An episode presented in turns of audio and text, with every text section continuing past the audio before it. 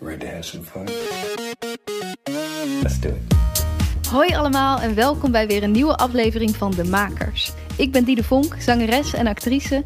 En sinds ik ook zelfstandig muziek en theater ben gaan maken, merkte ik net als veel van mijn collega-makers dat ik tegen een aantal dingen aanliep. Vragen als hoe krijg je je werk aan de man? Hoe hou ik mezelf productief? En wat doe ik als ik even geen inspiratie heb? Daarom ben ik deze podcast begonnen, waarin ik elke week een inspirerende maker interview en vraag om tips. Dit is de eerste aflevering van 2021, dus iedereen ten eerste een heel happy new year gewenst. Om gelijk goed te beginnen heb ik weer een expert aflevering voor je en dit keer helemaal in het teken van financiën.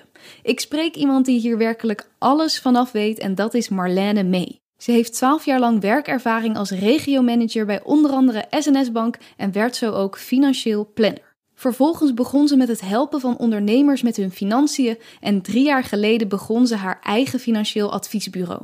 Als je nu denkt, hmm, saai onderwerp of juist, oh, veel te ingewikkeld, Marlene vertelt op een super duidelijke en begrijpelijke manier en in dit gesprek zit in grote lijnen vrijwel alles wat je moet weten, dus mis hem niet. Je leert hoe je een financiële jaarplanning maakt, omzetdoelen stelt, hoe je jouw perfecte uurtarief berekent, hoe je je pensioen regelt en wat te doen bij arbeidsongeschiktheid. Maar vooral dus op een simpele, laagdrempelige manier hoe je meer inzicht krijgt in jouw geldzaken. Ook als je weinig tijd hebt. Dus geen beter moment dan nu om je erin te gaan verdiepen. Het is nooit te laat, dus ook als je deze aflevering later hoort, ga gewoon lekker aan de slag. Het geeft rust om helderheid te hebben in je financiën. Deze aflevering was voor mij in ieder geval echt een eye-opener om serieuzer naar de toekomst te kijken en het overzichtelijk te maken. Het is een hoop informatie, dus als het wat snel gaat, luister hem gewoon nog een keertje of maak aantekeningen, zodat je gelijk met alle tips aan de slag kunt. Heel veel luisterplezier, hier is Marlene mee. Ik ben Marlene Mee. Ik uh, maak niks in de zin van creatieve, artistieke dingen. Maar ik heb een adviesbureau sinds 3,5 jaar... waar ik heel veel ondernemers en bedrijven help... met financiële zaken, strategische zaken, managementzaken... Uh, en voornamelijk heel veel finance. Ja, ja, ja, dus jij bent hier echt uh, ook uitgenodigd in de expert-hoedanigheid. Je weet alles van financiën. nee, uh, ik, ik heb gisteren een, een, workshop van jou mogen volgen. Dus dat was heel fijn, ook al in voorbereiding op deze podcast. Uh, kan je de luisteraars nog een beetje vertellen ja, waar jij vandaan komt? Hoe is deze interesse bij jou ontstaan? nou, eigenlijk, als ik er nu op terugkijk, komt het denk ik al van heel lang geleden. want ik kom uit een gezin wat heel erg... Nou, eigenlijk meer uit de kunstzinnige uh, artistieke hoek. Mijn familie had een antiekwinkel waar mijn moeder ook in werkte. En bij ons thuis was het op, op structuur- en administratiegebied echt een zooitje. En hadden wij het absoluut niet breed, wat helemaal niet erg was. Maar als klein meisje merkte ik altijd dat overal post slingerde en dingen niet op orde ah. waren. Dus al vanaf heel klein had ik zoiets, ik ga alles goed regelen. Dus ik denk dat daar misschien wel de basis ligt.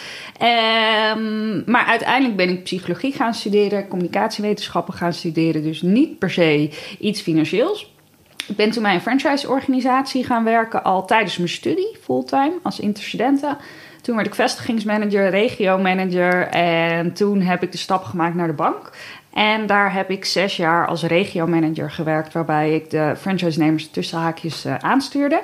Mhm. En echt hielp met alle financiële zaken, de businessplannen, een pand aanhuren, personeel aannemen en daarna zorgen dat alles zo goed mogelijk loopt. En dus iets heel anders dan wat je gestudeerd had eigenlijk. Ja, ja ja, zeker. Dus, um, maar er zitten ook wel weer raakvlakken uh, in, denk ik. Maar ik weet wel dat ik toen ik begon bij de bank, toen had ik wel zoiets van: ik wil meteen een financieel plannersopleiding volgen, omdat ik niet die financiële achtergrond had. Mm -hmm. Had ik wel zoiets van: ik wil minimaal evenveel kennis hebben op financieel gebied uh, als de mensen die ik aanstuur. Ja. Want ik wil gewoon dat ik ook weet hoe het inhoudelijk werkt, zodat ik niet dingen, dat ze me dingen wijs kunnen maken. En wat is een ehm, planner? Ja, je hebt in Nederland, zeg maar, vanuit uh, de overheid zitten er echt eisen aan uh, als je financieel advies geeft, dat je daar echt bepaalde diploma's voor moet hebben. Dus je mag eigenlijk niet zomaar financieel advies geven. Nou, ook wel goed. Nou, heel erg goed vind ik. Want je, je, er komen wel eens dingen voorbij dat je denkt, daar is, dat is wel adviesgevoelig. En eigenlijk voor alle uh, adviesgevoelige producten zijn eisen gesteld. Dus moet je bepaalde diploma's hebben. De basis zijn eigenlijk een soort WFT-diploma's, heet dat. En daarna heb je nog een aantal gradaties hoger. En een daarvan is de financieel plannersopleiding, die heb ik gedaan. En daarin leer je eigenlijk alles qua de financiële zaken en fiscaliteiten voor de particulier en voor de IB-ondernemer. Dus als je ZZP'er bent of een eenmanszaak hebt. Ah, dus jij weet daar alles van. Hoe ben je toen zelf naar het ondernemerschap gestapt? Um, nou, ik, ik werkte natuurlijk uh, ruim tien jaar lang bij twee franchise-organisaties. Dus ik stuurde al altijd de ondernemers aan. Dus ik, ik heb eigenlijk altijd met ondernemers gewerkt. En het voelde ook wel altijd als ondernemer. Want ik was echt helemaal verantwoordelijk voor mijn regio. En daarin kon ik doen en laten wat ik wilde, bij wijze van spreken. Als de kwaliteit maar op een bepaald niveau was en uh, het goed ging. Um, maar het kriebelde wel altijd. Ik ben meerdere keren gevraagd van... wil je niet zelf een franchise-vestiging uh, gaan leiden? Leek me wel leuk, maar dan leek het mij toch weer te klein. Want dan heb je alleen de bank en alleen wat je daar doet. En dat zijn natuurlijk gewoon bepaalde producten. En eigenlijk doe je elke keer hetzelfde voor mijn gevoel. Ja. En ik had zoiets van: ik kan volgens mij met al mijn kennis en kunde zoveel meer mensen helpen. En zoveel meer uiteenlopende bedrijven. Die puzzel, elke keer een nieuw puzzel leggen, dat leek mij gewoon veel leuker dan uh, hetzelfde blijven doen. Mm -hmm. Dus daarom heb ik echt 3,5 jaar geleden gewoon mijn baan opgezegd. En mocht ik uh, na een hele lange opzegtermijn eindelijk uh, voor mezelf beginnen. Je moest ja. heel lang wachten tot het Ja, ik had echt drie maanden opzegtermijn. Dus oh, uh, okay. dat duurde best een tijdje. of twee maanden en ik, ik zei het een maand voor die... Dit zeg maar in de loop van de maand op. Dus het uh, voelde voor mijn gevoel echt toen nog heel lang Ja, dus je stond al werken. te trappelen ja, om, ja. om van start te gaan Ja, zelf. ik herinner me ook echt nog dat ik de laatste werkdag... had ik het nog heel druk op werk. En die dag daarna had ik al allemaal afspraken. Dus dat was wel... oh, wat goed. Gelijk erin gedoken. Ja, ja. Oh, tof.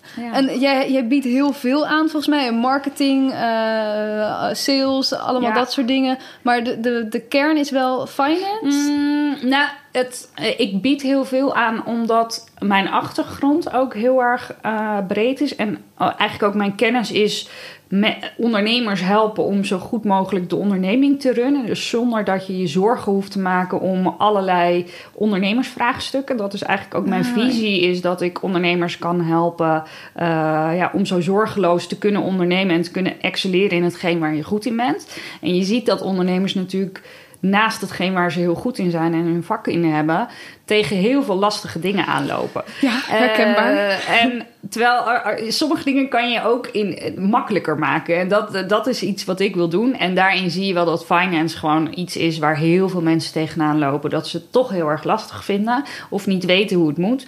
Dus de core ligt, denk ik wel, het afgelopen jaar wel echt daarop. Ik denk ook wel vanwege corona dat je ziet dat, het, dat er meer nadruk ligt op hoe belangrijk financiën zijn.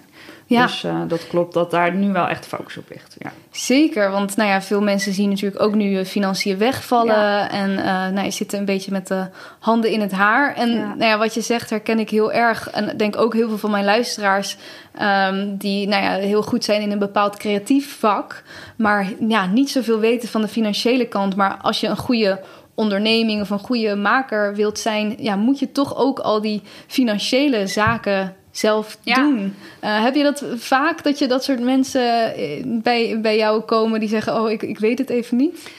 Uh, ja, ik denk dat, dat een 60 tot 70 procent van de klanten die ik uh, help met het stukje cijfers en plannen en finance, vindt het ook gewoon heel erg lastig. Er is ook gewoon een heel groot deel die wel weet hoe, hoe het werkt, maar daarin naar een hoger niveau wil. Uh, maar het grootste deel van de ondernemers vindt het vaak toch wel gewoon een heel lastig iets of een onderwerp wat niet leuk is om te doen. En dat je weet, oh, ik, ik, ik wil uh, uitzoeken hoe het zit met mijn pensioen of ik wil uitzoeken hoe het zit met mijn belastingen.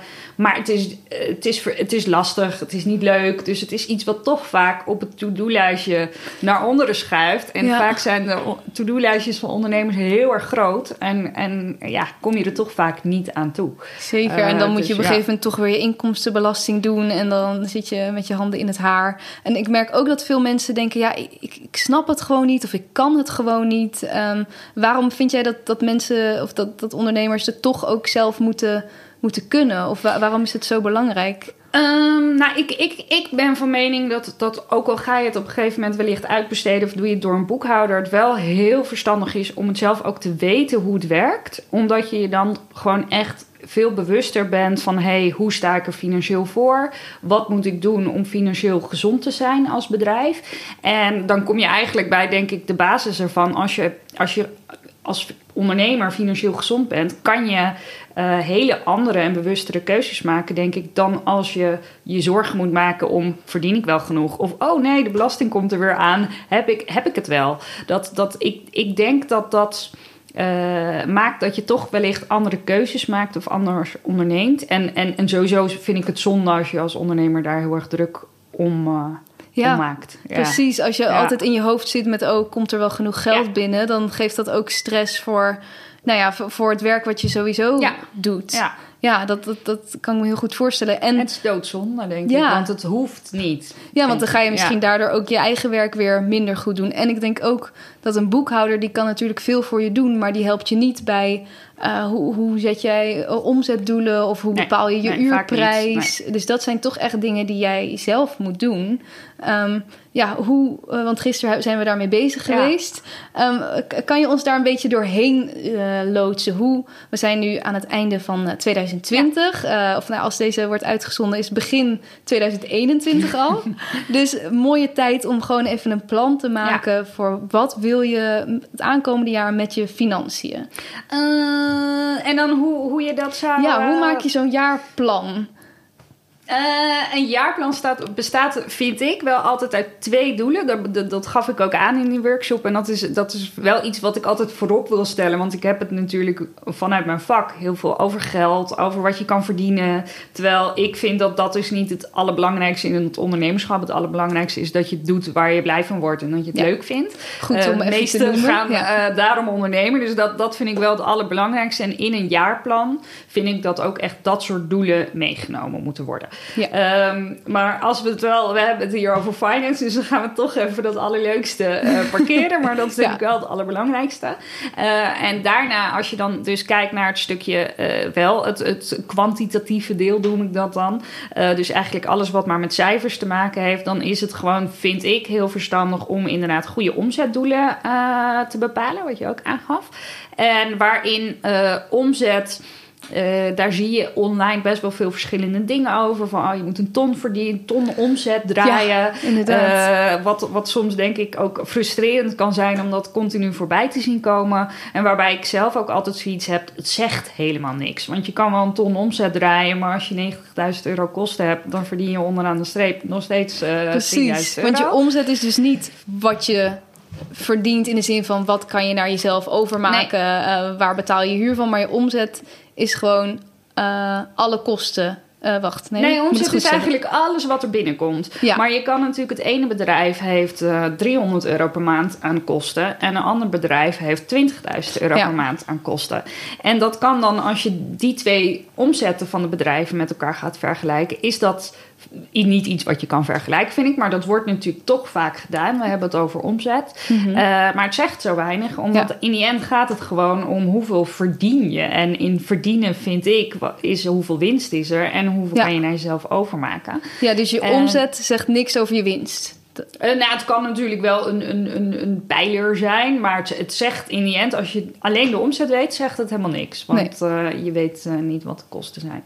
En zo'n omzetdoel, hoe, hoe bereken je dat? Um, nou, ik leg hem altijd uit uh, als in dat je hem in uh, meerdere stappen berekent. Ik uh, begin eigenlijk altijd met wat wil je minimaal netto verdienen. Dus eigenlijk als je het dan zou vergelijken met loondienst, wat wil je als salaris hebben? Dus wat heb je maandelijks en uiteindelijk in een jaar totaal netto nodig om het leven te kunnen leven wat je wil leven. Nou, dat kan of een minimaal doel zijn van hey, dit zijn mijn maandelijkse vaste lasten, dat is wat ik minimaal wil hebben. Of hey, ik wil elk jaar op vakantie kunnen, ik wil dit kunnen doen, dat kunnen doen. En nou, dan kan je een heel overzicht maken met wat zou je minimaal netto uit je bedrijf willen halen. Ja.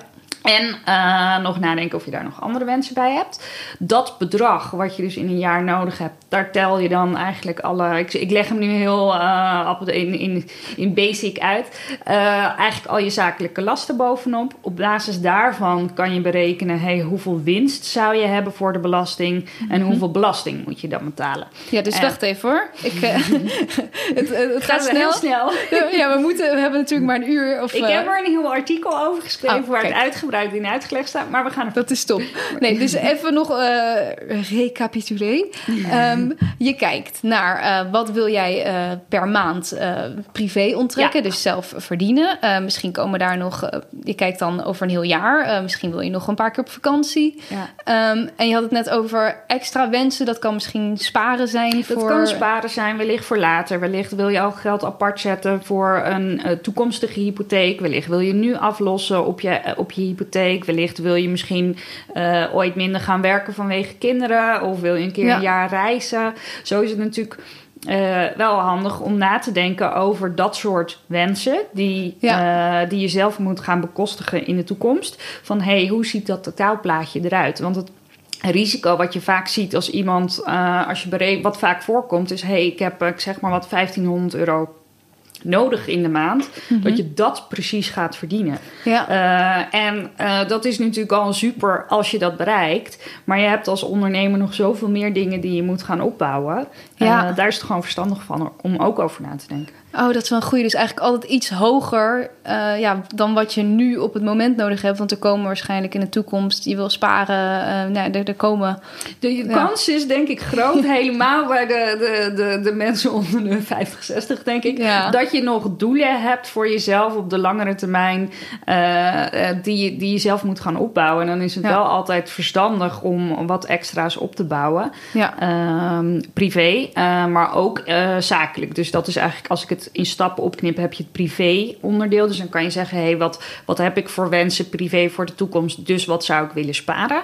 En je hebt het ook natuurlijk zakelijk. Dan heb je eigenlijk, een, kan je ook weer een overzicht maken met, hé, hey, wat heb ik allemaal aan vaste zakelijke lasten? Ja. Wat verwacht ik allemaal aan extra zakelijke kosten? Denk aan opleidingen, investeringen, uitbesteden, uh, mm-hmm. uh, dingen die je moet inkopen, wellicht als tekenaar, ik zeg maar wat, ja, hele zeker. nieuwe stiften zet. of materiaal. Um, maar je hebt ook natuurlijk als ondernemer uh, nog je pensioen, waar je wellicht wat voor wil opbouwen, arbeidsongeschiktheid, uh, spaargeld voor het bedrijf. Ik denk dat we daar ook allemaal dit jaar Zeker. heel erg mee geconfronteerd zijn geweest van die buffer. Ja, um, hoe lang dus, kan je eigenlijk ja. met uh, een buffer doen? Ja. En dat pensioen en arbeidsongeschiktheid komen ze ook nog even op terug. Um, Oké, okay, maar dus we hebben, nou ja, wat wil je, wat wil je privé? Wat wil je privé? wat geef je zakelijk uit? Dat zijn je zakelijke kosten. Uh, dan heb je dat berekend over je hele jaar. Ja. Uh, oh, en tel je dat bij elkaar op? Dat kan je sowieso bij elkaar optellen. Dat is dan eigenlijk wat je minimaal moet verdienen aan omzet, exclusief de te betalen belastingen. Want als je winst ja. draait, komt daar ook nog belasting bovenop. En dat is een lastige die ja. verschilt enorm per persoon. Ook afhankelijk van welke aftrekposten heb je recht op. Uh, hoe meer je gaat verdienen, hoe minder recht je op bepaalde aftrekposten uh, hebt. Dus dat, dat is niet iets waar ik standaard een, een, een rekensommetje nee. voor kan geven. Dus dat is lastig. Maar dat komt er eigenlijk ook nog bovenop. Dus die te betalen belastingen.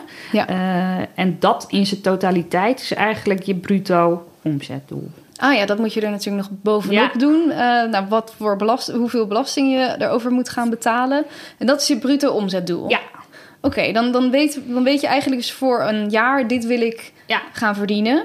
Dus dan kan je gaan kijken, oké, okay, nou wat, uh, wat, wat moet ik dan verdienen per maand? Ja. En wat moet ik verdienen per uur? Ja. En hoe bereken je, want dat is ook soms een lastig ding, uh, waar ik zelf ook wel eens mee zit te struggelen. Hoe bereken je dan zo'n uurtarief? Want je moet weten, ja, als je bijvoorbeeld een opdracht binnenkrijgt, uh, ik wil zoveel verdienen, want ik wil aan het eind van het jaar dus zoveel verdiend hebben. Ja.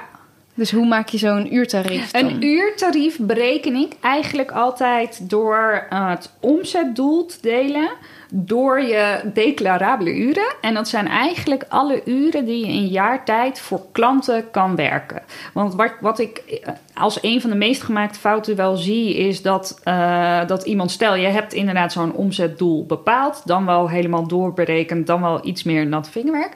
Uh, of een andere wijze van berekenen, dat kan ook. En stel je hebt gezegd, ik wil uh, 50.000 euro verdienen, dan zie je dat heel veel mensen dat delen door 12 maanden of door 52 weken. En als ze een uurtarief willen berekenen, gedeeld door 52, gedeeld door het aantal dagen dat je per week wil werken, keer 8 uur.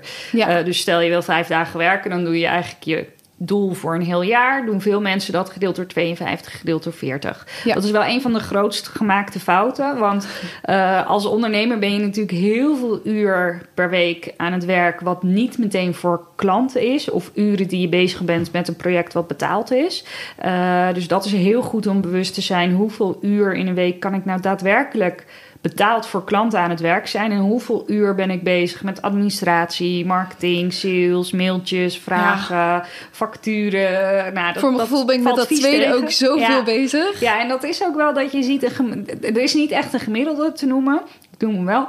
Maar, dat is maar je ziet toch wel dat mensen vaak van, van de tijd die er is, misschien maar 60 tot 70 procent echt betaald aan het werk is. Ja. En dan heb je ook nog uh, dat je waarschijnlijk niet 52 weken per jaar aan het werk bent.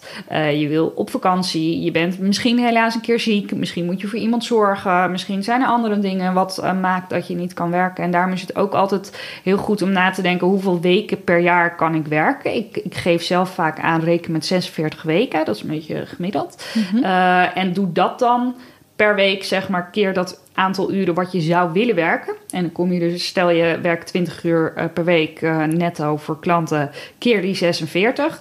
Uh, dan weet je hoeveel uur je dus declarabel kan werken. En als je je omzetdoel gedeeld door dat aantal uren deelt, dan heb je eigenlijk het bedrag wat je minimaal per uur zou moeten verdienen. Ja, oké. Okay, ja. Die, uh, ik, ik, hoop dat voor de mensen die luisteren. Ja. Uh, luister hem even nog een keer, maar hij, hij, is heel, hij, is heel logisch, inderdaad. Dan heb je dus eigenlijk een soort uh, prijs per uur. Ja. Nu hebben ook heel veel ondernemers of makers werken met een soort pakketprijs. Ja. Um, hoe, hoe, hoe bereken je dat dan? Uh, ja, heel veel mensen werken natuurlijk met een aanbod voor een dienst, een ja, product dus niet of een uurtarief, pakket. maar gewoon. Uh, wel vind ik het altijd handig om zo'n uurtarief te berekenen, zodat je weet wat moet ik minimaal per uur verdienen. Ja. Um, of je nou wel of niet met uren werkt. Maar dan is het, stel je werkt inderdaad met een pakketprijs en je, je moet. Um, ik zeg maar wat, een creatieve opdracht voor een klant doen. Dan moet bij een boek alles uh, uitgeschilderd worden. Dan is het gewoon handig om dan helemaal te gaan doornemen. hey, de klant wil dit. Wat zit er allemaal in het hele traject en dat pakket voor die klant? Dus ik zou daar echt per onderdeel opschrijven. hey, dit moet ik doen, dat moet ik doen, dat moet ik doen. Wat verwacht ik aan aantal uren? Hoeveel reviewrondes zitten erin? Hoeveel ja. kosten maak ik? Hoeveel extra tijd zit erin? Uitzoeken, bellen, afspraken. En op die manier gewoon echt een hele goede indicatie maken met wat verwacht ik aan uren.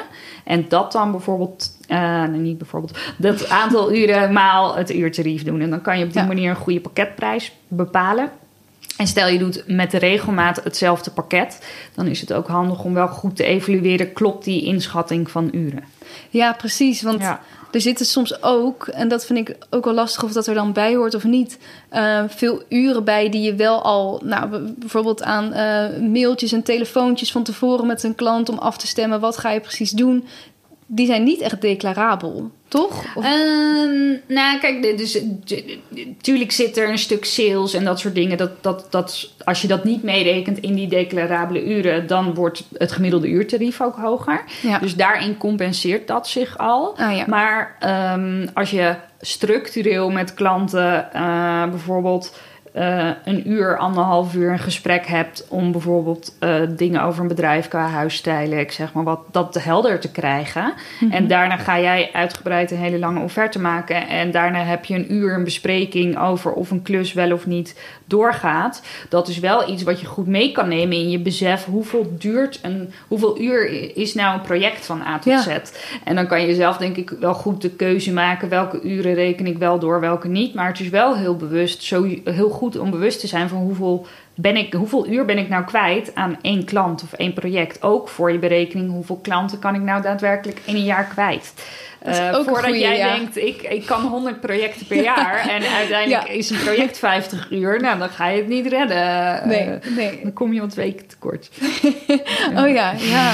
Nee, ik snap hem. Oké. Dus, dus zo bereken je dat dan eh, bij elkaar. Dan hebben we dus nu een, een omzetdoel. We hebben Ja. een uurtarief. Ehm, ik heb ook wel eens, ik weet niet meer met wat voor berekening dat was, maar ook met een soort online cursus dat ik dan eh, moest berekenen hoeveel wil ik verdienen per maand. Dat mocht dan ook best wel een soort van groot eh, gedroomd zijn. Maar toen kwam ik erachter dat ik dan zo, zo'n hoog uurtarief zou moeten hebben. Dat, dat, nou ja, dat sloeg zeg maar nergens meer op. Nee, ja, groot dromen is natuurlijk altijd leuk. Ik, ik zeg wel altijd als je doelen stelt, eh, wat, wat heel veel, wat, wat, wat bij de bank ook altijd deed, wat, wat sowieso bij zakelijke kredi- kredieten bijvoorbeeld eh, eigenlijk altijd gedaan wordt, is met prudente doelen werken en met ambitieuze. En die ambitieuze doelen zijn inderdaad die sky high doelen, alles, alles goed gaat en alles is Ja. geweldig leuk, en alle klanten komen op me af.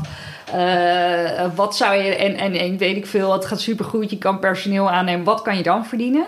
En je prudente scenario is eigenlijk de, de, de wat minder goede. En wat, wat moet je gewoon echt minimaal verdienen? Ja. En je kan sowieso, is het wel leuk om bijvoorbeeld op die manier met twee doelen te werken, zodat je weet, hey, dat is het minimale, dat is waar ik naartoe wil. Ja. Eh, maar ik denk, eh, ik zeg wel altijd, want je kan natuurlijk doorrekenen, ik wil 5000 euro per maand verdienen en ik wil maar 10 uur per week werken. Dan kan je je uurtarief doorrekenen. En wie weet komen er heel veel klanten die dat gaan bepalen, betalen. Maar ik denk, ik geef wel altijd aan, doe ook altijd een realiteitscheck. Is Ja. dit tarief inderdaad eh, iets waar ik zelf als, als persoon en als mens achter sta? Ik vind dat je, dat je achter je prijzen moet staan. Weet je, durf je, Ja. of nou niet durf je, want dan, eh, dat kan ook wel angstig zijn dat je denkt, oh, ik vind het te veel. Maar is dit een bedrag wat het waard is? Ja. En, eh, en, en het is ook wel altijd goed om even naar de concurrent te kijken. Eh, maar ik zou daar ook niet alles aan laten afhangen. Want je weet niet wat er exact bij in zit en wat, wat ze doen. Dus dat is wel altijd een lastige. Maar ik denk wel dat het altijd goed is om te kijken... hey, ik heb zo'n berekening gedaan. Is het bedrag wat eruit komt eh, reëel? Ja, ja, goeie.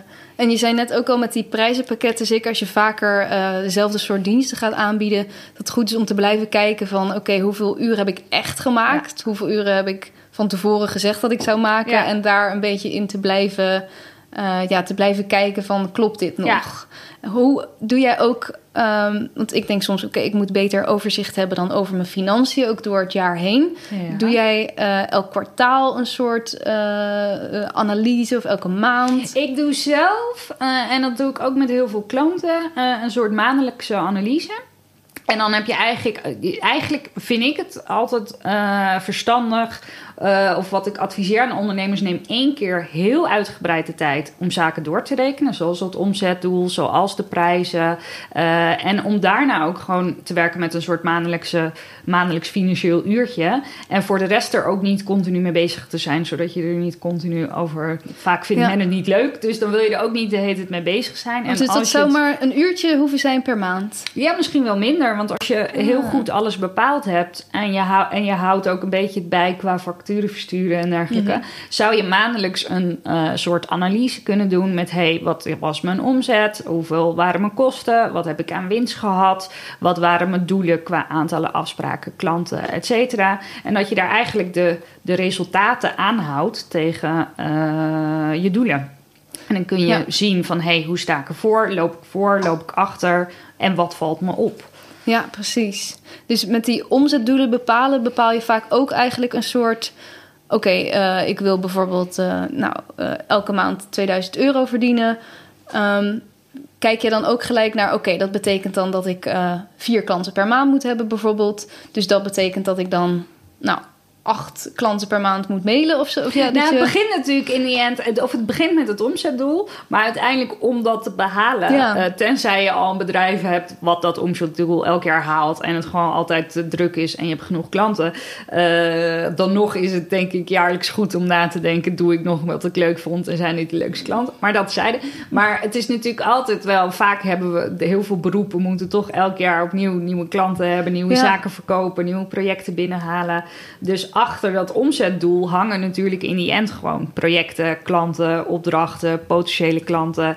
Eh, dus daarom als je eenmaal je, als je je omzetdoel hebt, is het ook goed om te kijken, hé, hey, waar bestaat mijn aanbod uit? Wat bied ik aan? Wat kost dat? En eh, wat moet ik, hoeveel moet ik daarvan doen om tot dat omzetdoel te komen? Ja. Hoeveel klanten heb ik dan nodig? En dan kijken naar hoe komen klanten bij mij? Is dat, eh, ga ik zelf eh, rondbellen? Ga ik heel veel op social aanwezig zijn?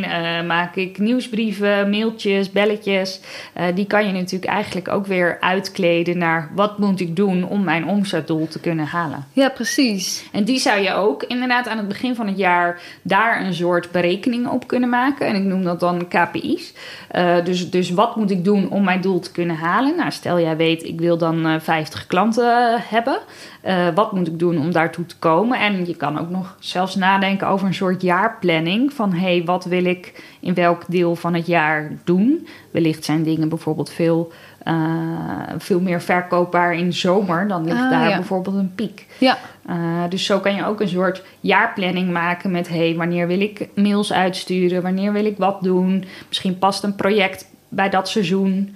Hoe, ja precies. wanneer wil ik met dan kerst of- met marketing? Uh, dat soort dingen, ja. Ja, of als je net eh, nog niet zo lang bent begonnen met, met wat je maakt in je onderneming. Eh, dat je nou ja, misschien zegt na het eerste kwartaal ook zoveel klanten. En dan na het tweede kwartaal hoop ik dat ik daar zit. Ja. Of zo. Dat je daarin ook doelen stelt. ja, dus. ja, is zeker handig om te doen. uh, zodat je ook kan zien, ben ik op weg met waar ik naartoe wil. Ja. Ja. Je zei net, ik noem dat KPI's. Ja, ja dat, is, dat is echt uit, uit gewoon de, de, de omgeving waar ik kom. Dat zijn key performance indicators. Klinkt Dus dat eh, zijn-.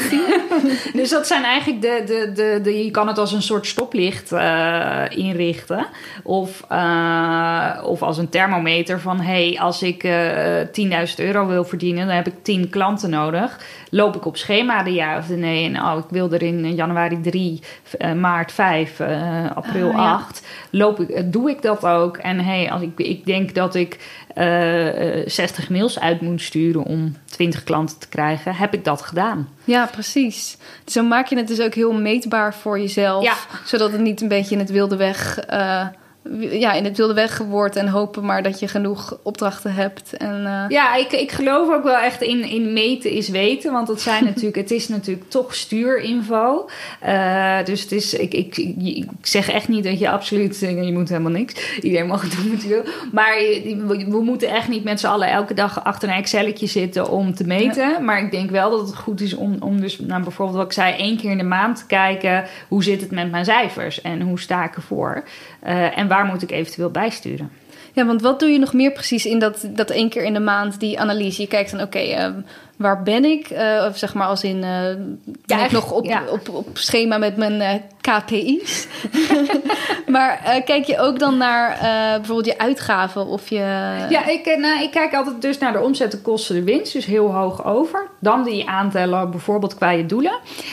Verder vind ik het zelf leuk om ook net iets meer de diepte in te gaan. Dus bijvoorbeeld te kijken, hey, wat is er allemaal deze maand binnengekomen? Voor welke klanten heb ik gewerkt? Wat vond ik het allerleukste? Waar heb ik het allermeest mee verdiend? Dus op die manier kan je even een soort Oh, evaluatie doen Ja. op je maand. En ook echt kijken naar je uitgaven. Dus, dus, dus wat heb ik uitgegeven en wat zijn de grootste uitgaven geweest? Het hoeft niet zo te zijn dat je moet beknibbelen op kosten. Maar het is wel goed om bewust te zijn waar geef ik nou mijn geld aan uit. En misschien Ja. heb je een soort eh, coachafspraak, ik zeg maar wat van 500 euro gedaan. En denk je achteraf, oh, dit was helemaal niks. Nou, dat ga je dan niet meer doen. Of misschien denk je, ah, dat was geweldig leuk. Dit heeft me zoveel opgeleverd. Dit wil ik nog een keer doen. Ook al is het duur geweest. Ja, Dus op die manier ben je gewoon bewust van waar gaat mijn geld naartoe. precies. Eh, ik denk dat dat altijd een hele goede is eh, om te doen. En dus echt kijken naar hey, welk werk heb ik gedaan en eh, wat vind ik daarvan. Ja, dat je dat een beetje bijhoudt. En Ja. Dat zijn ook wel leuke vragen. Wat je zegt, uh, waar heb ik het meeste aan verdiend? Of wat vond ik het allerleukst om te doen? Dat zijn gewoon leuke vragen om jezelf te Ja. stellen en even bij stil te staan. Dus dan wordt het minder zo, "Huh, ik moet iets met die financiën. Ja, nee, en als je, kijk, als je je financiën één keer berekend hebt, dan kan je... Tenminste, ik, ik eh, maak er vaak voor klanten Excel voor... en dan hoef je eigenlijk alleen je resultaten in te vullen. Eh, en dan zie je het met kleurtjes of het rood of groen is. Dus dan zie je eigenlijk... Dan is dat niet heel veel werk. Omdat je Ja. één keer heel uitgebreid de tijd hebt genomen... voor wat zijn mijn doelen. Dan kan je daarna één keer in de maand ernaar kijken... eh, is dit, loop ik op schema de ja, Ja. of de nee? Dan hoeft dat niet heel veel tijd te kosten. En dan kan je daarna inderdaad meer gaan terugkijken... hoe was mijn maand nou eigenlijk? En wat vond ik heel erg leuk? En wat neem ik mee? En wat eh, vind ik minder leuk? Mhm. Of wat kan ik anders doen? Wat kan ik beter doen? Eh, of wat werkt heel goed? Oh, ik heb eh, tien mails verstuurd en die deed het echt supergoed. Daar ga ik er nog meer van doen. Ja, precies. Ah, tof. Eh, ik krijg er helemaal zin in om mijn financiën op orde te krijgen. Nou, mooi zo.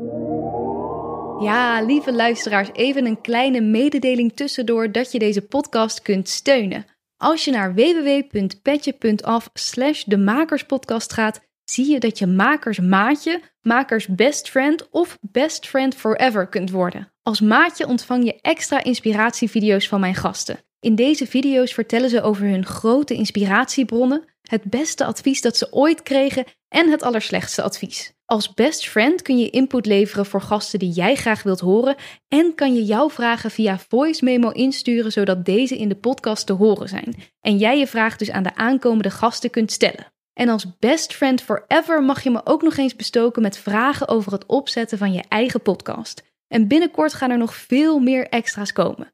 Daarnaast help je ons om deze podcast te kunnen blijven maken. Dus daar zou ik je sowieso ontzettend dankbaar voor zijn.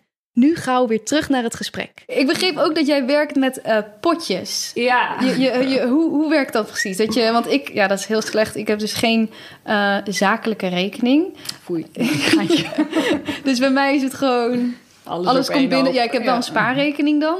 Maar ehm, er is geen overzicht in hoeveel moet ik eh, per jaar ongeveer aan belasting betalen. Of, dat loopt bij mij allemaal best wel door elkaar heen. Hebben heel veel mensen, dus eh, gelukkig. schaam je niet. Eh, maar het is eh, ten eerste voor de aangifte, aangifte inkomstenbelasting... is het gewoon niet heel handig om het op een particuliere rekening te hebben. Omdat je gewoon uiteindelijk moet aangeven... hoeveel heb je zakelijk uitgegeven... hoeveel heb je privé uit je bedrijf gehaald. Dus dat moet je dan allemaal eruit gaan filteren. Dus alleen al om die reden zou ik zeggen... neem een zakelijke rekening en hou het ook echt gescheiden. Zodat dat, dat helpt gewoon heel erg in eh, de tijd die je bespaart bij je aangifte. Ja. Eh, en dan heb je nog van stel je hebt wel een zakelijke rekening of niet. Dat maakt eigenlijk qua dat niet uit. Maar eh, ehm, eh, alles komt binnen qua wat je klanten betalen. Daar moet nog... Daar moeten nog je zakelijke lasten af. Daar moet nog je BTW af. Daar moet nog je inkomstenbelasting af als je die betaalt. Ehm, dat maakt dat als jij één rekening hebt en je opent eh, bij wijze van spreken je app en je ziet een bedrag staan, dat je denkt: Goh, nou dat is leuk. Ik heb nog, eh, ik zeg maar wat, 10.000 euro. Nou, Daar ga ik wat leuks mee doen. En dan komt daarna de belastingdienst: klok, klok, klok, klok. Ik heb 10.000 euro voor je nodig. En dan denk je: Oh, shoot, daar Ja. heb ik net iets zo leuks van gekocht. Ja, dat je Dat, geen eh, overzicht in hebt in wat je echt hebt of Nee, zo. En Ja. ik vind, en na het werken met potjes noem ik dat dan, dat maakt gewoon, als je, als je daarmee werkt, dat altijd als je je app opent en je houdt het bij, dat je gewoon weet hoeveel winst heb ik en hoeveel geld is voor mij en hoeveel geld staat gereserveerd voor de lasten voor, en voor de Belastingdienst. Zodat je eigenlijk in één oogopslag gewoon weet, hé, hey, zoveel heb ik te besteden eh, of niet. Maar hoe, hoe maak je dan die potjes? Want je hebt dan een zakelijke rekening, Ja. maar kan je daar binnen een soort opdeling maken of moet je dan allemaal losse rekeningen Het openen? verschilt per bank. Je hebt eh, banken waar je allemaal aparte betaalrekeningen moet openen. En je hebt banken waar je eigenlijk meerdere of ongelimiteerd spaarrekeningen kan koppelen aan je rekening. Dus dan heb je een lopende rekening, daar komt je geld op binnen en dan gaat je geld af. En je hebt eh, daaronder spaarrekeningen hangen. En dan kan je of zeggen, ik doe er gewoon één met winst en de rest aan kosten. Maar ik, ik geef altijd aan, maak de potjes voor bijvoorbeeld je BTW, die je daarop apart zet. Je inkomstenbelasting, als je die doorgerekend hebt, dan weet je gewoon, hey, van elke factuur moet 10% naar de Belastingdienst. Dan zet je dat apart op die pot. Je kan een pot maken voor je zakelijke lasten. En je zou er bijvoorbeeld één kunnen maken voor je loon. Dus wat je echt maandelijks naar jezelf wil overmaken. En bijvoorbeeld eentje met winst. En zo kan je, Ah, ja. sommige mensen hebben 20 potjes, sommige mensen hebben er drie. Ja, je moet Ja. ook een beetje overzichtelijk Ja, houden. 20 voor lijkt mij wat veel. Maar eh, eh, het is, ja, het, het- daardoor zie je gewoon echt in één keer... oh, dit gaat naar de Belastingdienst. Dat heb ik gewoon apart gezet. Mhm. Top, hoef ik ook niet meer over na te denken. Maar ik weet nooit van tevoren hoeveel gaat er naar de belasting. Nee, dat is, dat, is dat, dat doorrekenen wat je bij je omzetdoel eigenlijk doet. Ja. En als Oh ja. je dat één keer goed hebt doorgerekend... dan weet je eigenlijk gewoon zoveel procent eh, Ja. moet ik afdragen. Eh, en voor de BTW zeg ik altijd... zet gewoon 21% apart. Dan doe je één keer per kwartaal je aangifte. En dan betaal je, als je moet betalen, dat uit die pot. En alles wat dan overblijft, dat is dan winst. Ah, Dan ja, is het ook leuk om je aangifte te doen. Het is sigaren uit, uit, sigaren uit eigen doos. Maar dus het maakt het wel een heel eind leuker. Ja, precies. Want eh, inderdaad, dan zet je gewoon eigenlijk altijd net iets te veel opzij. Zodat je dan uiteindelijk kan denken, yes, ik heb weer extra geld. Ja, dat is precies. beter dan, dan dat je je aangifte doet en denkt, oh, ik Oh, moet zoveel geld betalen. Ja, ja. Ah, goeie. Oh, top. Oké, dus we hebben nu omzetdoelen gehad, eh, uurtarief, eh, werken met Heel potjes. veel besproken. ja. Ehm, we wilden het ook nog eventjes hebben over ehm, pensioen Ja. en arbeidsongeschiktheid. Niet hele sexy onderwerpen, maar wel belangrijk. Want nou ja, ik ik neem mezelf maar weer als voorbeeld. Ik heb dat niet echt geregeld. En ik weet dat er veel... eh, misschien is het, moet je dat ook pas vanaf een, bepaalde leeftijd doen. eh, of je zorgen om maken om je pensioen. Ehm, maar ja, wat zou jij aanraden voor eh, ZZP'ers, makers op Ik dat gebied? zou ehm, er eigenlijk altijd wel even, hoe, hoe onsexy het onderwerp er ook is, er toch over na gaan denken. Mhm. Eh, en misschien juist hoe jonger je bent, hoe eerder je ermee moet beginnen. Omdat het dan, hoe langer je bezig bent met opbouwen, eh, hoe, hoe minder het in de maand kost. En wat je ook ziet, is dat ik heel vaak hoor van... oh, pensioen, ja, heel erg leuk, ik weet dat ik er wat moet, mee moet doen... maar ik heb het geld er niet voor. Ja. Dan denk ik juist in zo'n scenario, en hetzelfde voor arbeidsongeschiktheid, juist dan is het heel verstandig om over na te denken. Want als je nu al elke maand net verdient wat je nodig hebt, dan, weet, dan, dan bouw je dus echt niks op voor later. Mhm. Terwijl eh, in Nederland het pensioenstelsel is gewoon qua pen- ja, pensioen bouw je AOW op. Eh, eh, in 50 jaar, eigenlijk voor elk jaar dat je in Nederland woont, bouw je 2% van het totale bedrag op. Mhm. Dus woon je 50 jaar in Nederland, dan bouw je een totaal AOW-bedrag op. Eh, ik weet de bedragen niet nu eh, achter de komma uit mijn hoofd. Maar dat is eh, als je alleen bent rond de 800 euro en 1000 euro andersom. 800 euro met z'n tweeën, rond Ja. de 1000 met z'n tweeën. Eh, alleen, ja. sorry. Eh, that's it. Maar dus Ehm, ook als je niet in loondienst werkt, als je, als je ZZP'er bent, krijg je wel krijg je dat ah, sowieso. zoals het er nu uitziet. Er is natuurlijk wel de afgelopen jaren best wat in veranderd. Ja. De AOW-leeftijd gaat natuurlijk ook omhoog. Eh, helemaal als je nu in verhouding nog jong bent, duurt het nog heel lang. Dus de kans dat er iets verandert en het misschien minder wordt of niet meer bestaat, is natuurlijk ja, geen idee. Dat weet Ja. niemand. Dus glazen bol kijken. Dat zou zo kunnen zijn. Dus het is wel denk ik altijd goed eh, om over na te denken van hé, hey, eh, wat wil ik? Eh, hoe, hoe denk ik dat mijn leven eruit gaat zien? Wat heel moeilijk is om te berekenen. Mhm. Maar als ik eh 67 plus ben, en wat heb ik vanuit de overheid opgebouwd? Ja, want je wil daar dus eigenlijk niet van uitgaan dat er iets is. eh, nou, nou, ook als er wel wat is, dan is nog de vraag: red jij het met Ja. 800 euro in de maand? ja. En eh, als dat niet zo is, dan is het wel verstandig om er iets voor te gaan doen. ja, en ehm, nou ja, je kunt natuurlijk gewoon elke maand een bedrag opzij zetten. Ja.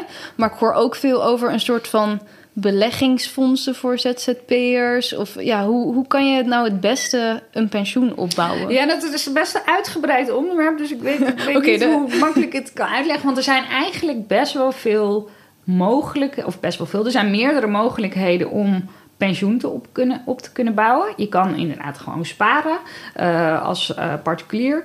Uh, en je hebt pensioenfondsen. Je zou je bij echt een traditioneel pensioenfonds kunnen aansluiten. Maar die zijn in verhouding best duur. plus het is echt collectief. Dus je zit met een heel grote instantie en je hebt zelf er weinig invloed op. Je hebt inmiddels best wat grotere partijen die, waar je inderdaad kunt beleggen of sparen voor je pensioen. -hmm. En dat heet dan de lijfrentevorm. Uh, die is ook fiscaal voor een ondernemer interessant. Uh, dus daar zou je het kunnen doen. En, en je kan ook nog zelf uh, allerlei dingen doen. Dus bijvoorbeeld particulier of zakelijk gaan beleggen. Je kan als je een huis hebt met een hypotheek daarop gaan aflossen, zodat je maandlasten lager worden. je kan gaan investeren. zo zijn er verschillende mogelijkheden Ah, dus nog best wel om het te doen. Ja, veel verschillende en er kan nog best wel veel. En uh, nou, daar geef ik ook met regelmaat uh, workshops slash masterclasses over. En wat je eigenlijk, ik heb ook onder best wel veel ondernemers onderzoek gedaan van hey, wat heb jij? Nou, dan heeft eigenlijk 50% van de ondernemers heeft nog niks. Ja. Um, en de rest heeft vaak een mix. Dus en bijvoorbeeld wat opbouwen bij zo'n pensioenpartij uh, voor ondernemers. En bijvoorbeeld zelf beleggen en zelf gaan aflossen op een hypotheek. Dus daarin zie je wel dat er heel veel gemixt wordt, wat ook misschien een stuk risicospreiding uh, is. Ja, ja, want beleggen klinkt ook altijd alsof er nog een soort risico aan vast ja. zit. Um, is dat ook zo bij zo'n pensioenbeleggingsfonds? Ja, het, blij, ja, het blijft beleggen. Het is natuurlijk wel dat het een veel grotere partij is, waarin je, omdat je met een grotere partij bent, veel gespreider en op, op, op groter volume kunt beleggen. Uh, maar aan beleggen zitten er zitten altijd risico's, alleen je hebt daarin wel het effect van eigenlijk de meerdere jaren. En hoe langer je geld laat staan, hoe groter de kans is en hoe dat het meer wordt. Ja. Uh, maar het, het, blijft beleggen. Um, maar daarom is het juist ook handig om jonger te beginnen, bij wijze van spreken, omdat je gewoon een veel langere tijd ja. hebt. En je ziet gewoon op de beurs natuurlijk enorme uh, effecten qua stijgen en dalen. En hoe langer je dat doet hoe meer kans je hebt dat je dat uh, zeg ja. maar over de lengte opvangt. En, dus al doe je een tientje per maand, dan doe je wel iets natuurlijk. Ja, precies. Ja. En uh, nou, is inderdaad, als je vroeg begint, kan je misschien nog wel 40 jaar sparen. Dus ja. dan, of, uh, dan, dan heb je nog even, dan heeft het ook echt wel effect. Ja, zeker. En wat zou jij dan aanraden? Ook dat spreiden van verschillende manieren? Ja, ik vind dat lastig om daar nu één antwoord op te geven. Uh, omdat zoiets, vind ik, adviesgevoelig is. Dus hoe ziet jouw situatie eruit? Wat, hoe wil jij dat het eruit komt te zien? En wat is in jouw geval de beste keuze. Uh, dus dat, verschil, dat verschilt gewoon echt zo erg per ja. persoon. En ook wat heeft jouw voorkeur? Uh, het kan zijn dat je niet een risico wil nemen van een beleggen. Mm -hmm. uh, dan kan dat. Maar ja. eigenlijk bijna alle pensioenen, ook in loondienst in Nederland, zijn allemaal beleggingsvormen. dus het is niet zo dat dat voor ondernemers anders is. Ah ja, precies. Ja, dus dat is altijd, ja. gaat altijd om beleggen. Nee, dat snap ik. Dat zal en daar heb je ook situatie, weer heel veel ja. smaken in qua, qua agressief beleggen met heel veel risico's, ja. maar kans op heel veel winst. Uh, naar defensief beleggen, wat, wat, wat, in, wat belegt in dingen die gewoon wat, wat, wat veiliger zijn, die minder schommelen in uh, winst mm -hmm. en verlies. Ja, ja, precies. Maar ja, dat is inderdaad sowieso is beleggen echt super hot op dit moment volgens ja, mij. Dus dat klopt. is uh, misschien een topic om later nog uh, op terug te komen. En jij geeft dus ook wat pensioen betreft daar wel eens ja, voor workshops. pensioen en arbeidsgeschiktheid mm -hmm. leg ik, want nu, nu hebben we het er heel kort over. En er zijn ja. best wel veel verschillende manieren waarop je aan je pensioen kunt werken. En ook voor arbeidsongeschiktheid. Dus dat leg ik dan heel uitgebreid uit in, in een uur, anderhalf uur. met als doel dat de ondernemer op basis daarvan kan denken: hey, dit past het beste bij mijn situatie. En dat is ook eigenlijk wat ik terugkrijg: dat mensen zoiets hebben van: ik weet dat ik er wat moet doen, mee moet doen, maar ik heb geen idee wat er kan. Ja. Uh, dat leg ik helemaal uit. En dan kan vaak valt het dan wel een beetje op, op zijn plek dat je denkt: ah, dat is de methode voor ja, mij. Precies. Of oh, ik wil dat en dat combineren. Ja, ah, ja. goeie. Dus dan moeten gewoon lekker jouw uh, masterclass daarin nog volgen. En uh, je zei net ook al een paar keer dat geldt ook voor arbeidsongeschiktheid. Is dat in principe dan hetzelfde? Want je nee. spaart voor een soort. Ja, het is natuurlijk nou, je niet, kan natuurlijk ja. zelf uh, een buffer opbouwen voor mm -hmm. arbeidsongeschiktheid. Dat kan. Dus op die manier kan je er zelf voor sparen. Maar ook na arbeidsongeschiktheid is eigenlijk eh, nog een groter risico. Eh, want kijk, je pensioen bouw je in, zoals het er nu voor staat, in elk geval AOW op. Ja. Eh, en als ondernemer voor arbeidsongeschiktheid heb je echt niks. Nee, Dus- want als ik nu, nou, weet ik veel, mijn stem kwijtraak, niet meer kan podcasten... of een, een, een schilder die raakt zijn arm kwijt of nou, Ja, wat dan ook, je, wordt ziek... ja, en je kunt je werk niet meer doen... heb je dan in principe niks? Ja, nee, dus echt voor als je ziek bent, heb je echt niks. Nee. En eh, ook als je echt langdurig ziek bent, is er ook niks.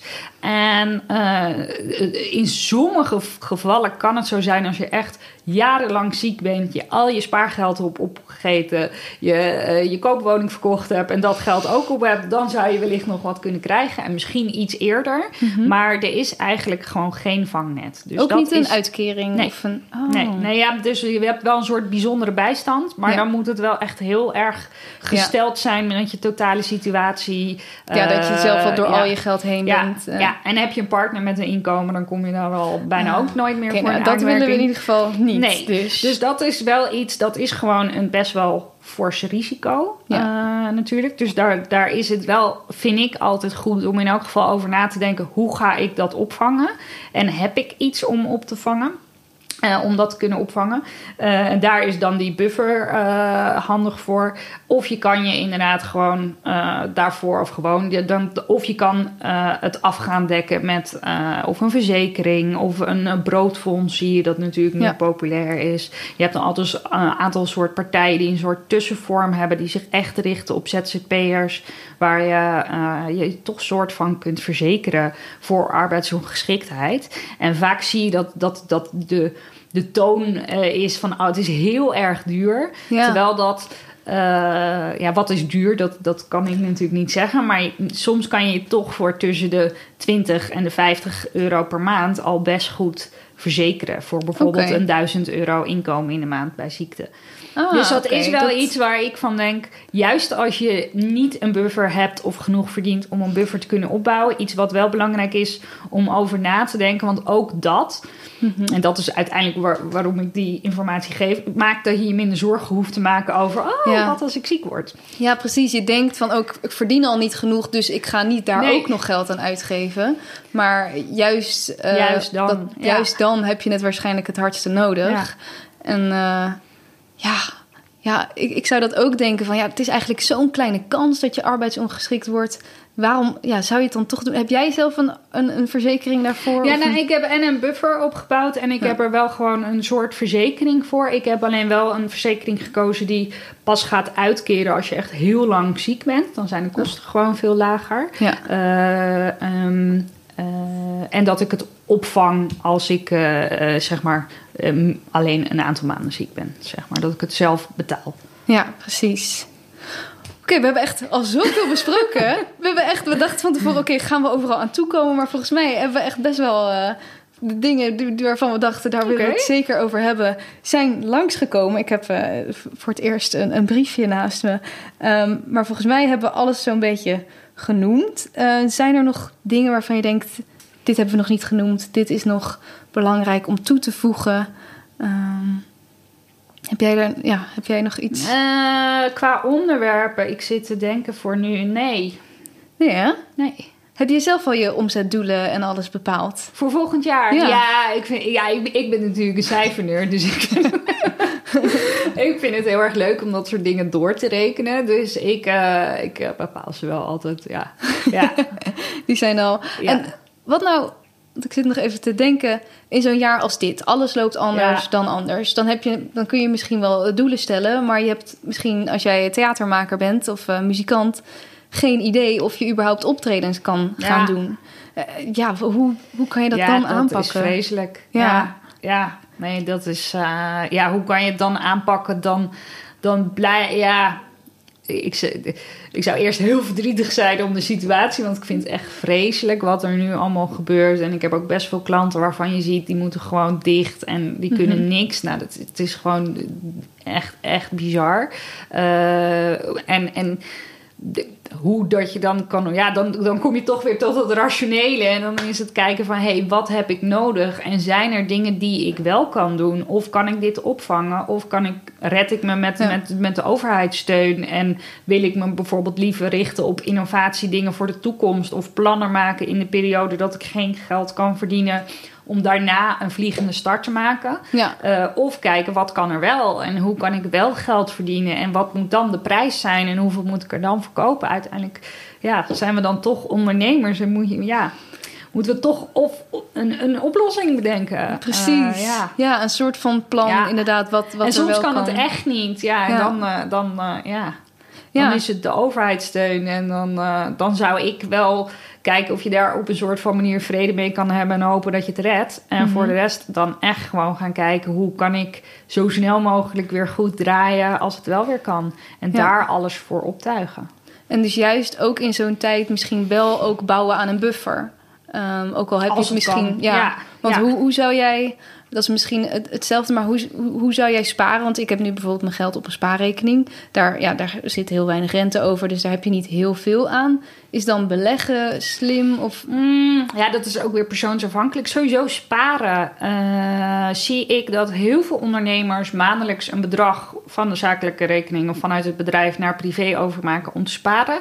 Weet eh, dat je ook op je zakelijke rekening mag sparen en dat het dan niet meetelt, moet je natuurlijk wel veel spaargeld hebben. Maar voor je vermogensrendementsheffing, ja. je mag niet oneindig sparen op je zakelijke rekening, maar je mag bijvoorbeeld wel een buffer opbouwen op je zakelijke rekening. En je mag geld apart houden voor toekomstige investeringen. Dus je kan echt wel wat zakelijk sparen. Dus ga het niet allemaal overboeken naar privé en dat je daar straks belasting over Ah, betaalt. slim. Dus dat is Ja. gewoon denk ik een goede tip voor iedereen. Ehm, en je buffer opbouwen. Ik zou niet persoonlijk, als dat het geld is wat je ook echt moet gaan gebruiken als, als er wat is. Bijvoorbeeld eh, je bent ziek en je hebt geld nodig. Zou ik het denk ik niet voor de korte termijn gaan beleggen. Want stel je hebt het belegd en het was eh 10.000 euro. En het valt net even tegen op het moment dat je het nodig hebt. En het is 7.000 euro. Ja. En misschien wordt het daarna weer 13, maar je hebt het nu nodig. Dan is dat doodzonde. ja, dus alleen Dus- dus- als je dat echt langere Ja, tijd. ik vind beleggen, het is natuurlijk, het is heel erg hip nu. Mhm. Eh, ik denk dat het, wij zijn als Nederland, Nederlanders niet echte beleggers. En gezien de huidige spaarrente is het wel iets interessants om over na te denken om te doen. Maar ik, het is niet de heilige graal waar je, waar je binnen een paar maanden heel erg rijk mee wordt. Ja, dat- het kan wel, zo lijkt maar het soms, ja. het hoeft niet. Nee. Dus ik zou echt voor de buffer en dat soort dingen zou ik het sparen eh, op een zakelijke rekening. Ehm, en we hadden het over. Ben even je Ehm, vraag kwijt. Nee, nee, nee. Dat, dat, dat, dat was de vraag inderdaad. Ja. Hoe je het beste kunt sparen. Dus Ja. nou ja, op een zakelijke rekening. Ja, en, en ook wel echt nadenken bijvoorbeeld... hey, ik, eh, als je het nu hebt over de doelen voor 2021... wat wil ik eind van het jaar als buffer bijvoorbeeld hebben? ja. En stel je weet wat dat bedrag is, hoeveel moet ik dan maandelijks apart zetten? Of hoeveel van elke eh, 100 euro die er binnenkomt, wil ik apart zetten en wil ik niet meteen weer uitgeven? En als je dat bijvoorbeeld ergens wegstopt op een verstopt eh, spaarrekeningetje, Ja. dan eh, kom je er veel minder snel aan. ja, dan dat het Ja. gewoon allemaal op één hoop eh, wordt gegooid. Hey, heel erg bedankt. We hebben Ja, echt superveel genoemd. Eh, ik hoop dat het voor de luisteraars duidelijk was. Ik hoop het ook. Eh, voor mij eh, heeft het in ieder geval heel veel vragen beantwoord en heel veel helderheid gegeven. En zoals ik al zei, ik heb echt wel zin om, er, om ermee aan de slag te gaan. Nou, leuk. Ehm, ja, heb je, heb ik, had ik nog iets moeten vragen? Of heb je nog iets waarvan je denkt, dit moeten we nog Nee, vind ik lastig, want er is nog zoveel meer Ja. qua leuke info. Vind ik leuk. Maar nuttige info en tips. Mhm. Eh, maar mochten er vragen zijn, eh, iedereen mag ze altijd gewoon aan me stellen. eh, zonder, er gaat niet meteen opeens een klok lopen. Maar ik vind het altijd alleen maar leuk om mee te denken met vraagstukken. Dus, dus mensen kunnen mij altijd een berichtje sturen van... hey, ik heb je gehoord, ik heb deze vraag. Help. Oh, Eh, superfijn. Ik reageer altijd. Heel fijn. En hoe, hoe kunnen ze jou vinden? Eh, nou, mijn website is uh, www.mayadvice. M-A-Y-I-A-D-V-I-S-E. Maar Yes. dat staat er vast ergens Ik ga het er nog Dus, even in de eh, show notes zetten. eh, of op Instagram eh, post ik best wel veel tips en info met dezelfde naam. May Advice. En ehm, daar kunnen ze me ook vinden. Super. Nou, Ja. heel erg bedankt dat je hier wilde zijn. en voor graag al je wijsheid. Superleuk. Dat was hem weer. Heel veel dank Marlene voor de enorme hoeveelheid informatie die je met ons wilde delen. Ik heb er ontzettend veel van geleerd en ik hoop jullie ook. Laat het me weten als je na dit gesprek aan de slag gegaan bent met je omzetdoelen en jaarplanning en hoe dat is gegaan. Ik ben super benieuwd. Hier mijn grote takeaways van dit gesprek. 1.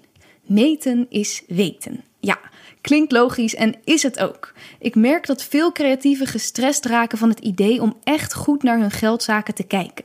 Maar door wel even die tijdsinvestering te doen, scheelt het je juist vervolgens ontzettend veel tijd en stress. Oh, ik zou eigenlijk wel iets met mijn geld geregeld moeten hebben. Of oh, ik zou eigenlijk binnen nu een, een paar jaar een huis willen kopen. Maar ja, kan vast niet financieel. Al dit soort gedachten kosten je veel meer tijd en stress dan het gewoon even uit te zoeken. Dan weet je het maar. Dus doe dat. 2. Je omzetdoel bepaal je in drie stappen. Kijk eerst hoeveel je per maand privé wilt onttrekken. Hoeveel wil je jezelf uitbetalen? Dus wat heb je nodig? Hoeveel gaat er naar huur? Hoeveel wil je sparen? Etcetera. Vervolgens, stap 2, bereken je je verwachte zakelijke kosten. Dus kijk naar hoeveel kosten je afgelopen jaar hebt gemaakt en hoeveel je verwacht voor dit jaar. En de derde stap is tel de vorige twee bedragen bij elkaar op en je weet hoeveel je wilt verdienen aankomend jaar. Dit is je omzetdoel. Kleine side note: van dit bedrag gaat nog belasting af. Dus je feitelijke omzetdoel wil je altijd nog iets hoger hebben. 3. Uurtarief. Als je je omzetdoel per jaar weet, kan je gaan kijken wat je per maand wilt verdienen en dus ook per uur.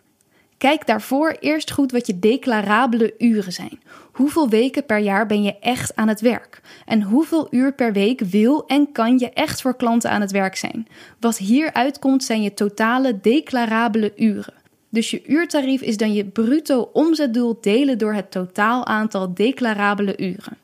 Ik snap dat dit niet voor elke creatief zo makkelijk is. Misschien is het voor jouw werkzaamheden niet zo duidelijk in te delen per uur.